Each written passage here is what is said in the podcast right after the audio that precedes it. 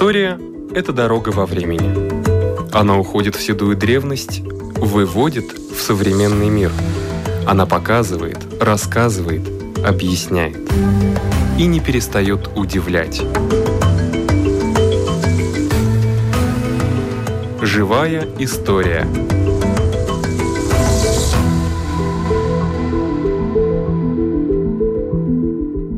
У микрофона Лидия Чера.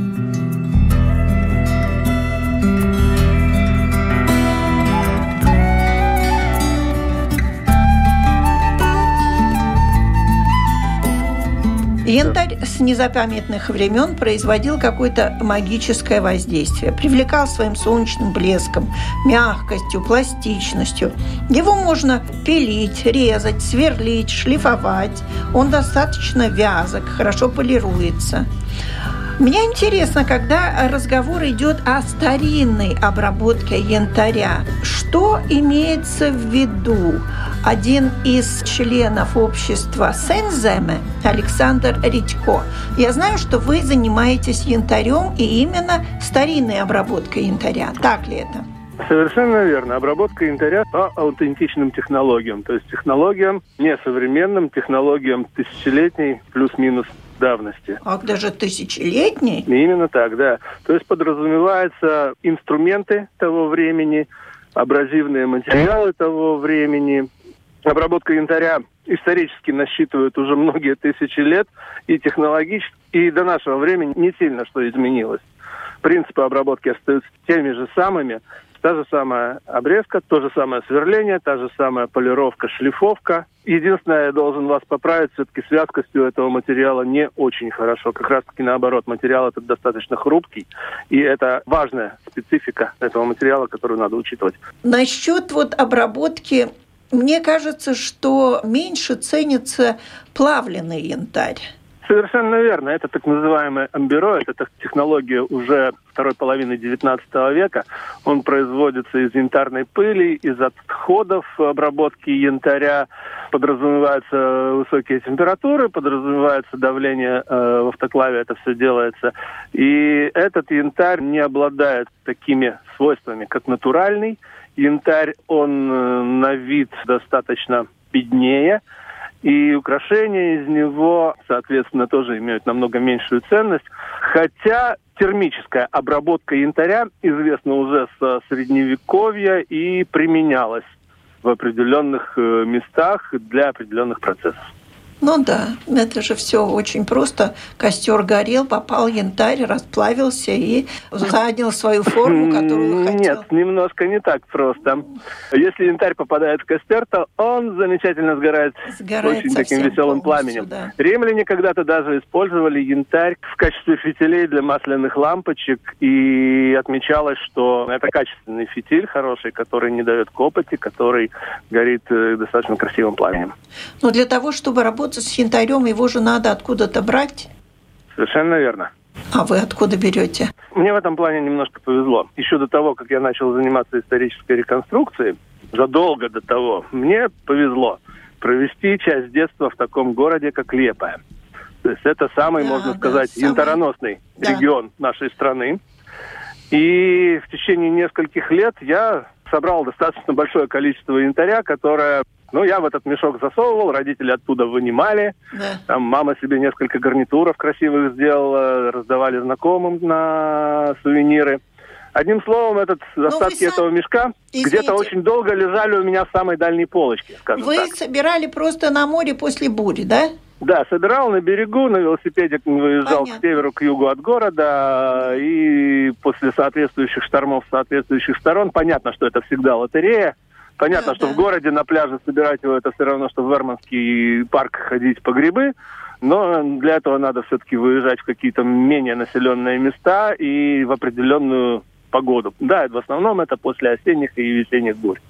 И вы набрали этот мешочек, и теперь... Я не могу сказать, сколько там было изначально, но оставалось где-то порядка килограмма полутора такая кучка. Когда я, как историк по образованию, как человек всю жизнь очень активно интересовавшийся историей, в итоге где-то лет восемь назад пришел к тому, что мне надо заниматься уже исторической реконструкцией, мне хотелось это заниматься в клубе максимально качественном. И вот мне известен был этот клуб Сензема, несколько моих знакомых в нем состояло, я с ними до того с этим клубом немного сотрудничал.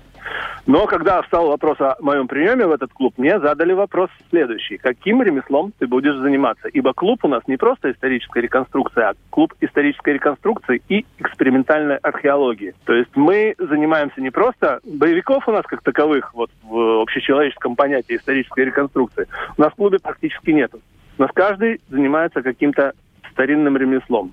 Соответственно, когда мне задали этот вопрос, я вспомнил про эту кучку инвентаря, вспомнил, что руки, в общем-то, у меня на месте, коллекция литературы исторической, специальной, на все возможные темы есть, то есть прототипы мне известны, ну и плюс, опять же, самообразовываться никогда не поздно. И вот на данный момент у меня получается уже небольшая мастерская с э, парком инструментов соответствующих периоду на эпоху викингов, то есть по латвийской историографической классификации, это эпоха позднего железа, то есть 9, 12, 13 век. Резаки, напильники соответствующие, э, так называемые инерционные сверла, по-русски оно еще называется помповое сверло, такое устройство. Ручные сверла всевозможные, ну, набор, еще раз повторюсь, всевозможных аутентичных абразивных материалов, шлифовальных и полировальных. Даже есть небольшой токарный станок. Всерьез увлеклись? Да, совершенно. Ну, в нашем клубе обычно все всерьез у людей происходит. У нас практически в клубе нету людей без высшего образования. У всех образование профильное, либо историки, либо этнографы, либо лингвисты. И мы стараемся этим заниматься на должном уровне. Даже есть небольшой токарный станочек, да. который задействуется лучком, лучковым инструментом в движении. И единственная металлическая деталь, это которого ось, сделан полностью из дерева, собран на деревянных нагелях, не на шурупах, не на гвоздях. Это на эпоху викингов инструменты. Сейчас в процессе создания тоже токарный станок, но уже на более поздний, на средневековый период. Там уже система чуть посложнее. Этот токарный станок, он встроен в верстак, и там будет на двух столбах из шнуров торсионная система с приводом на педаль, то есть он от педали будет э, задействоваться, этот станочек. И где это? Все дома находится? Частично дома крупногабаритные детали в гараже. Периодически это все вывозится, проветриваться на соответствующие мероприятия. Это да. средневековые фестивали, праздники города. Подобные мероприятия наш клуб достаточно активно приглашают. К сожалению, в течение последнего года возможности проветрить мастерскую не было. Но надеюсь на улучшение ситуации, что в этом году все-таки эта мастерская выйдет в люди. Скажите, а вот раз. формы, которые принимает янтарь после обработки токарным станком, там еще что-то, какие формы в основном вы выбираете? Это украшения или только какие-то деловые предметы? У меня модельный ряд э, моих изделий, но он достаточно специфический, с современными изделиями сравнивать его не, не будет особенно корректно.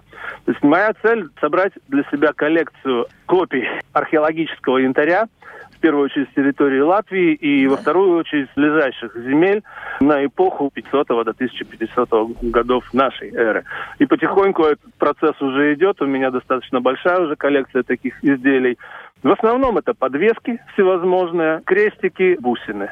Большая коллекция янтаря есть, я знаю, в Музее истории национальном Латвии, есть в Музее Риги и мореходства. Совершенно верно. Наверное, в Энспилсе в музее тоже есть. Не такая большая, но кое-что имеется, да. А где еще смотреть. у нас много янтаря хранится? Я видела, когда был год, я не помню, то ли камень янтарь был в топе, но какой-то год, несколько, 5-7 лет назад демонстрировали даже платье из янтаря. Ну, Совершенно вот... верно. Это происходило на семинаре, который был организован совместно музеем э, истории, музеем медицины и да. музеем истории Латвии. Если не ошибаюсь, это был 2014 год. Ну, Много было участников там, да. из Литвы и из России, из Польши, из Италии, из Америки. Достаточно много участников было. Я принимал участие в этом семинаре как слушатель. И среди всего прочего литовские мастера демонстрировали платья из янтаря. Ну, скажем так, э, рубеж нулевых десятых годов начала десятых годов это был пик повышенного спроса на янтарь. В Китае на него возникла гигантская мода, из-за чего на него очень сильно взлетели цены. Янтарь был популярен. Сейчас цены на янтарь немножко упали по сравнению с тем периодом. Но, тем не менее, этот камень пользуется спросом. И, конечно, в этом плане очень молодцы поляки. Несмотря на то, что добывают они янтаря сравнительно мало, у них очень хорошо организованы промыслы по его обработке. У них происходит ежегодная выставка ярмарка, оптовая продажа янтаря. То есть в этом плане они очень большие молодцы. Подавляющее большинство того, что мы видим в старом городе в туристический сезон, в сувенирных лавках, в сувенирных магазинах, это продукция в основном как раз-таки польских мастеров. Это у нас в старом городе, в сувенирном? Ну, именно у нас в Риге, да. Конечно, в Латвии, к сожалению, этот промысел на данный момент он не является популярным. То есть, если лет 40 назад было такое вот объединение, как Дайльрада, где да. очень много было хороших янтарных мастеров, и в частном порядке очень много людей увлекалось обработкой янтаря, то сейчас, к сожалению, тенденция обратная наблюдается. Мастеров мало. Молодежь это особенно не интересует, и мастеров толковых как правило, это еще люди старой школы той самой, и их уже в силу возраста можно пересчитать буквально по пальцам двух рук. Да, но это все-таки люди, которые занимаются современным янтарем. Да, совершенно верно. Да, То есть я на данный момент, если у вас вот другая брать... совсем. Да, у меня специфика. Я, я уникальный для Латвии человек в этом плане. Это обработка янтаря. Вот так вот в полной мере занимаюсь. По аутентичным технологиям занимаюсь только я один. Ваши формы, которые вы делаете – Какие? Большинство это бусины. Бусины различных бусины, форм. Бусины да, сферические, да, правильно, правильно. бусины беконические, бусины дисковидные. Различных форм бусины, опять же, основываясь на археологических прототипах. То есть этот тип, он известен с каменного века и вплоть до нынешних времен. Сначала их делали вручную, потом на примитивных ротационных инструментах различных конструкций. Затем уже пошли э, токарные станки в ход уже. В разных регионах, конечно, это было по-разному. В Древнем Риме в свое время очень был популярен э, янтарь. Где-то мода была в первом веке нашей эры. Работали замечательные мастерские в городе Аквиле на побережье Адриатического моря. Там, где заканчивался вот этот вот торговый, так называемый янтарный путь с территории бывшей Восточной Пруссии, нынешней Калининградской области, и туда на юг через Польшу, через нынешнюю Чехословакию, через Карнунд, столицу римской провинции Верхней Панонии, это между Веной и Братиславой на Дунае, эта точка находится, и уже дальше в глубину Римской империи, вот в районе города Триеста находился на побережье Адриатического моря, вот этот вот город Аквилея, славный своими янтарными мастерскими в то времени. Каким образом вы можете повышать свое мастерство? Есть какая-то модель, какая-то форма, которую вы хотели бы сделать, но у вас она не получается?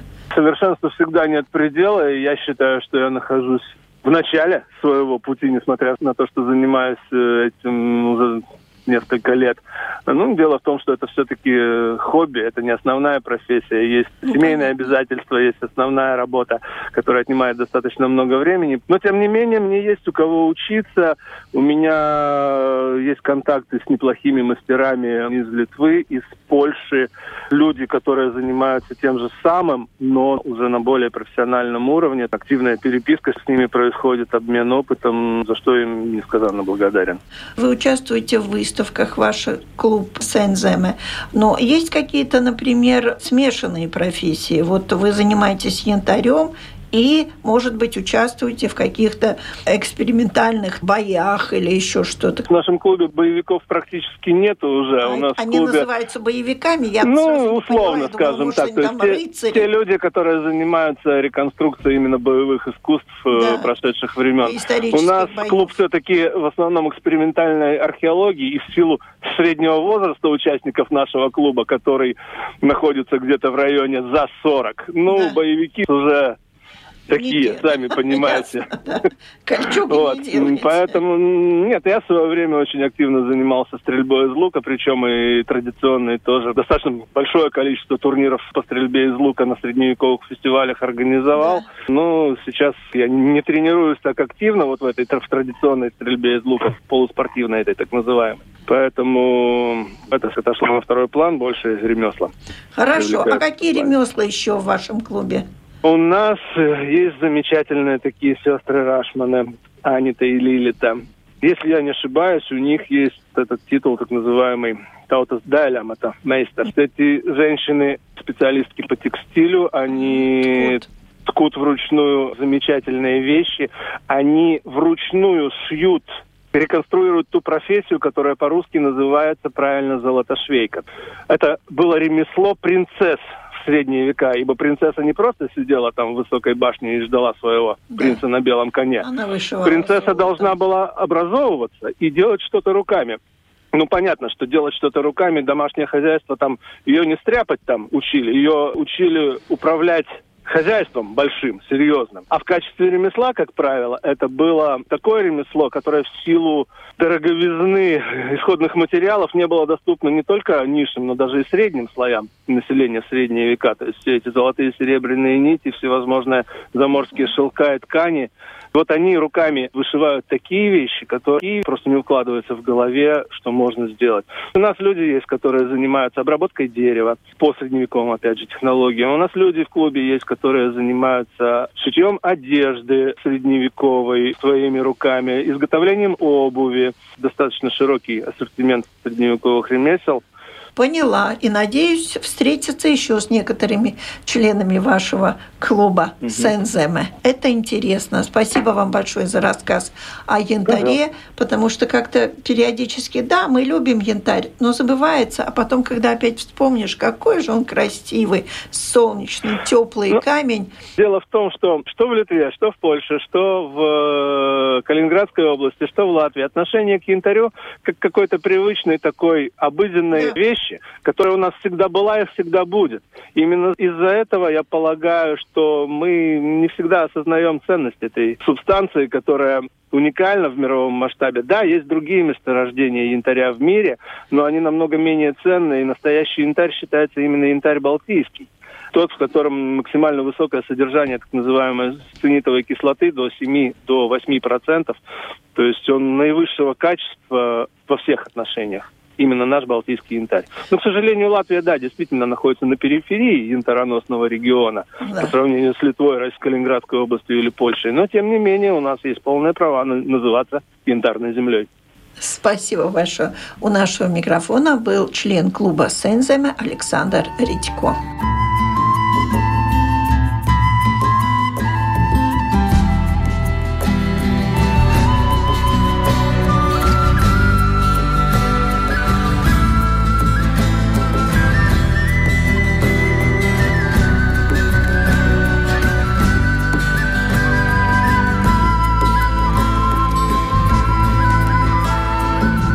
Итак, зима, и на этот раз у нас все-таки зима снежная и морозная, и мы носим перчатки, варежки. И интересно, конечно, мне вдруг стало. Сама я люблю вязать, вяжу э, носки, перчатки и варежки.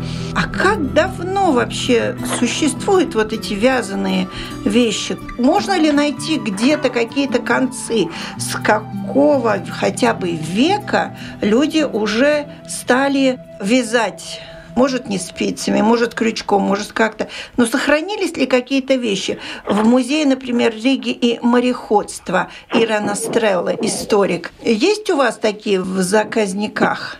В Риге это самая старинная находка, это 13 века перчатка, которая найдена была в конце 70-х годов, когда проходили археологические раскопки недалеко от Ратушной площади. Там была один из поселков, где жили первые жители города Риги уже больше, чем 900 лет назад.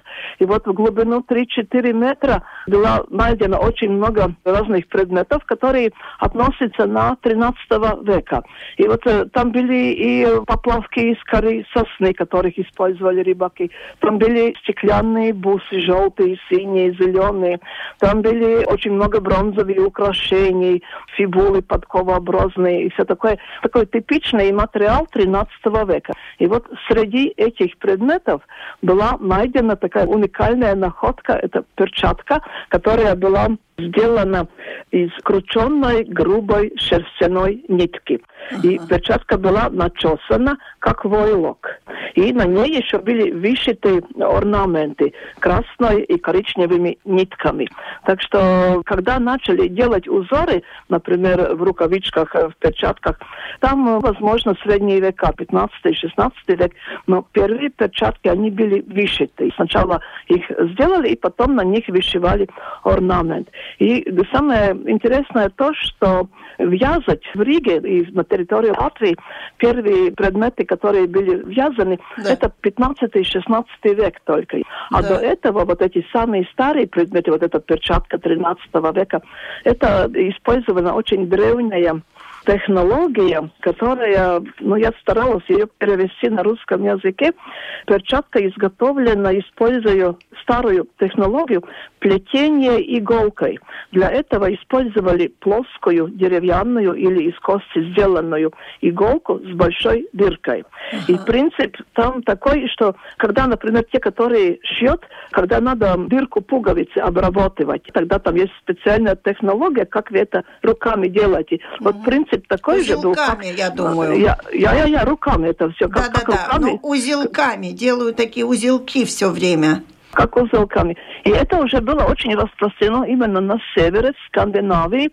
И есть такой археолог у нас была Анна Зариня, она очень много исследовала, как одевались, именно одежду, как делали.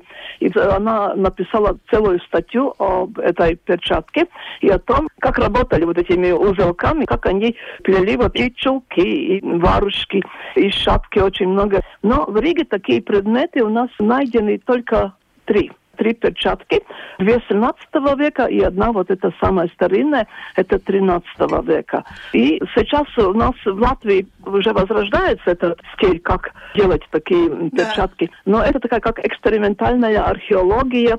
Есть, например, такая Мадара Бреда, которая этим занимается. Но, в принципе, вымерла эта технология уже в 17 веке. Но в Скандинавии, Финляндии, там до наших дней еще есть люди, которые занимаются, которые не вяжут вяжет спицами, как мы сегодня, но именно вот этой технологией плетения иголкой занимается и сегодня.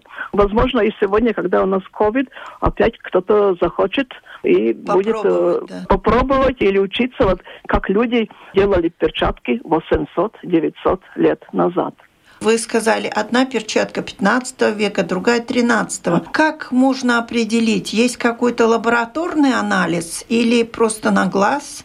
Нет, специалисты, когда находят предметы в земле, они обычно смотрят, в какую глубину, какой слой и вокруг какие предметы находятся. Если там вокруг этой перчатки, вот в этом слое, находилось очень много предметов 13 века, и тогда они относят ее тоже к 13 веку. И еще, если этот культурный слой не перемешан, да. если он действительно такой и есть и вот еще очень хороший вопрос, как долго, вот, например, у перчатки 800 лет, но мы знаем, что становится с тканью, если она попадает в землю, она там буквально через год от нее ничего не останется. Ну, да. А здесь 800 лет.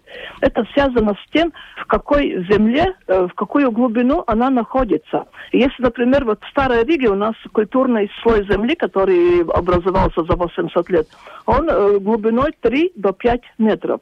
И э, если, например, в глубину 4, 5, 3 метра очень хорошо сохраняются предметы, потому что там среда Земли не меняется, там константная температура, влажность, и воздух не подступает. И, конечно, предмет там консервируется. И вот если его не трогать, он там могут пролежать 500, 800, даже тысячи лет, и все будет в порядке. Как мы его выкопаем, солнце, воздух, ветер, сразу там, например, вот такая ткань, шерсть, она буквально на глазах за пару часов просто разлагается, и от нее ничего не остается. Так что опять там надо реставрация. Очень быстро мы обычно это все в морозильниках храним, чтобы сохранить, и потом реставраторы год как минимум работает над этим предметом, чтобы его сохранить. Да, но если реставрировать ткань, то это уже не аутентичность, я так понимаю. Если реставрировать, они обычно стараются сохранить все, что было, чтобы не портилось дальше. Но у нас есть еще люди, которые делают вот именно вот эти копии реконструкции этих археологических предметов. Как вы, наверное, на рынках видели те же самые древние латышские украшения, которые сейчас мастера делают. Это будет копия, это будет как сувениры, но в музеях большинство это действительно оригиналы, но только большинство из них обработаны разными химикатами, чтобы они не портились дальше, потому что самое лучшее место, где предметом хранится, это, наверное, болото, потому что в болоте там вот эти сфагны, сунус, они выделяют такой консервирующую вещь, и предметы там очень хорошо сохраняются. Даже каменного века 5-6 тысяч лет пролежали предметы, и когда их из болота вытаскивают, они как будто только что там были поставлены, как новые выглядят. Но процесс, как только воздух, солнце, так очень быстро они уходят. Поэтому мы говорим, без нужды ничего не надо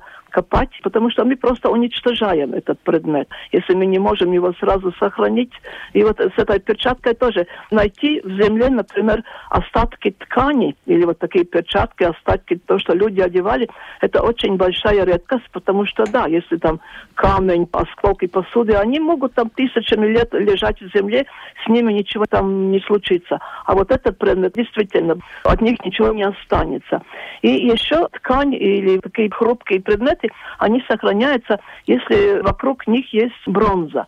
Например, э, если будет шапка оформлена бронзовыми украшениями, там, или венок вокруг будет и все, тогда бронза очень хороший консервант, и под ней сохраняются вот эти маленькие кусочки одежды, или вот если на рукавичках будет бронзовое кольцо там под ним, тогда тоже вот эта шерстяная ткань, она сохранится. И вот тогда из этих маленьких хрупких фрагментов Анна Зариня, Ирита Жейера, есть э, такие ученые, которые стараются сделать реконструкцию этой старой одежды, чтобы узнавать, как люди одевались 800, 900 и тысячи лет назад. Даже не столько, как они одевались, а даже мне интересно, а какие размеры были. Вот у этой перчатки 13 века большой размер? Ну, не по руке, наверное, все-таки она такая была, наверное, побольше сделана. Анна Зариня пишет о том, что перчатки, те, которые найдены в Риге, все-таки это для женских рук. И вот это наша самая старая перчатка, которую и можно и увидеть экспозиции Музея истории города Риги и мореходства, она длиной 28 сантиметров, ширина 12 сантиметров. Ну, конечно, перчатки должны быть и для мужчин, и для больших рук. И еще вот эти перчатки делали, если зимой не только одна перчатка, но над этими перчатками они одевали еще кожаные варежки, чтобы не замерзали руки. Такое и тоже есть. Очень интересно, конечно. Музей пока не работает, да?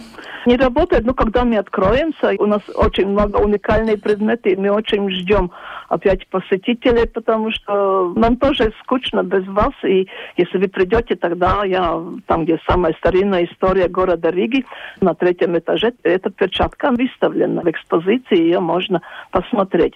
Ну, она такая не полностью, как перчатка, одна третья часть этой перчатки не сохранилась до наших дней, на нее был вышит орнамент, но этого орнамента только специалисты могут увидеть, потому что она такая, представьте, если она 800 лет пролежала в земле, не там могу уже... представить. Не могу представить. Цвет у нее такой, наверное, бурый. Такой темного, такая почти черная, да. Хотя специалист описала, что она была сделана из э, светлой шерсти, и потом вот, вот этот орнамент вышит. Но это только вот под микроскопом можно увидеть. А так археологические предметы, если смотреть, ну они такие фрагментарные и не очень-то красивые. Очень часто говорят, да, ну такая, ну ничего, ничего там красивого да. нет, да. Да, но зато они самые старые. История под ними очень глубокая, и поэтому ну, они именно ценные тем, что мы больше никогда не увидим. Это действительно это наша история города Риги, чтобы узнать, как люди жили, как одевались зимой, потому что зимы ведь были и такие и 800 лет назад, как и сегодня. И нам трудно представить, как люди тогда одевались, что они делали, что они, например, на ногах одевали. Тоже у нас в Риге найдены из шерсти сделанные такой же технологии носки, И большинство потом, конечно, у нас очень много носки и перчатки найдены в засыпленной э, реке Ридзене, там э, такой как большая свалка была города Риги, но это уже вязаные. Но тоже носки как такие, их использовали, но больше всего люди обматывали ноги таким как большими Тряпками назовем. Я, тряпками, да. Их обвязывали, и обувь была кожаная. Но что ну, мы представляем, если мы кожаную обувь сейчас оденем, тоже будут мерзнуть ноги. Но они подошву делали такой, как у нас были вот туфли-платформа. И они, например, эту подошву сделали из 5-6 слойков кожи и скрепляли это вместе с деревянными тапням, проклепками. Да. И эта подошва у них оказалась такая 3-4 сантиметра, чтобы ноги не мерзли. Там, конечно, это все вот это шерсть одевали. Кожу очень много использовали, эти вот дубленки, шубы. Все это было, но об этом все рассказывает только археология, потому что самые старинные рисунки, как люди одевались, у нас, наверное, все-таки это 17-18 век, что сохранилось. Но тогда а уже так... начали украшать себя, а не просто только от мороза прятаться. А 13 ну, век это, по-моему, все-таки только чтобы спрятаться от мороза тоже, ну, зимой обязательно, потому что украшений было много, но каждый день люди, как и сегодня, они же украшались только в праздниках. Сейчас каждый день, может быть, там одно кольцо, или как это все мешало. Поэтому захоронениях мы находим украшения очень много. Это свадебный наряд, или когда надо захоронить, тогда в свадебном наряде больше всего. Ну, по праздникам. А так, если много украшений, они же мешают и работать, и двигаться. Конечно, Нет. спасибо. Будем ждать открытия музея. У Нет. нашего телефона была Ирина Стрелла, сотрудник музея Риги и мореходства. Спасибо за рассказ. На этом наша программа заканчивается. Всего вам доброго.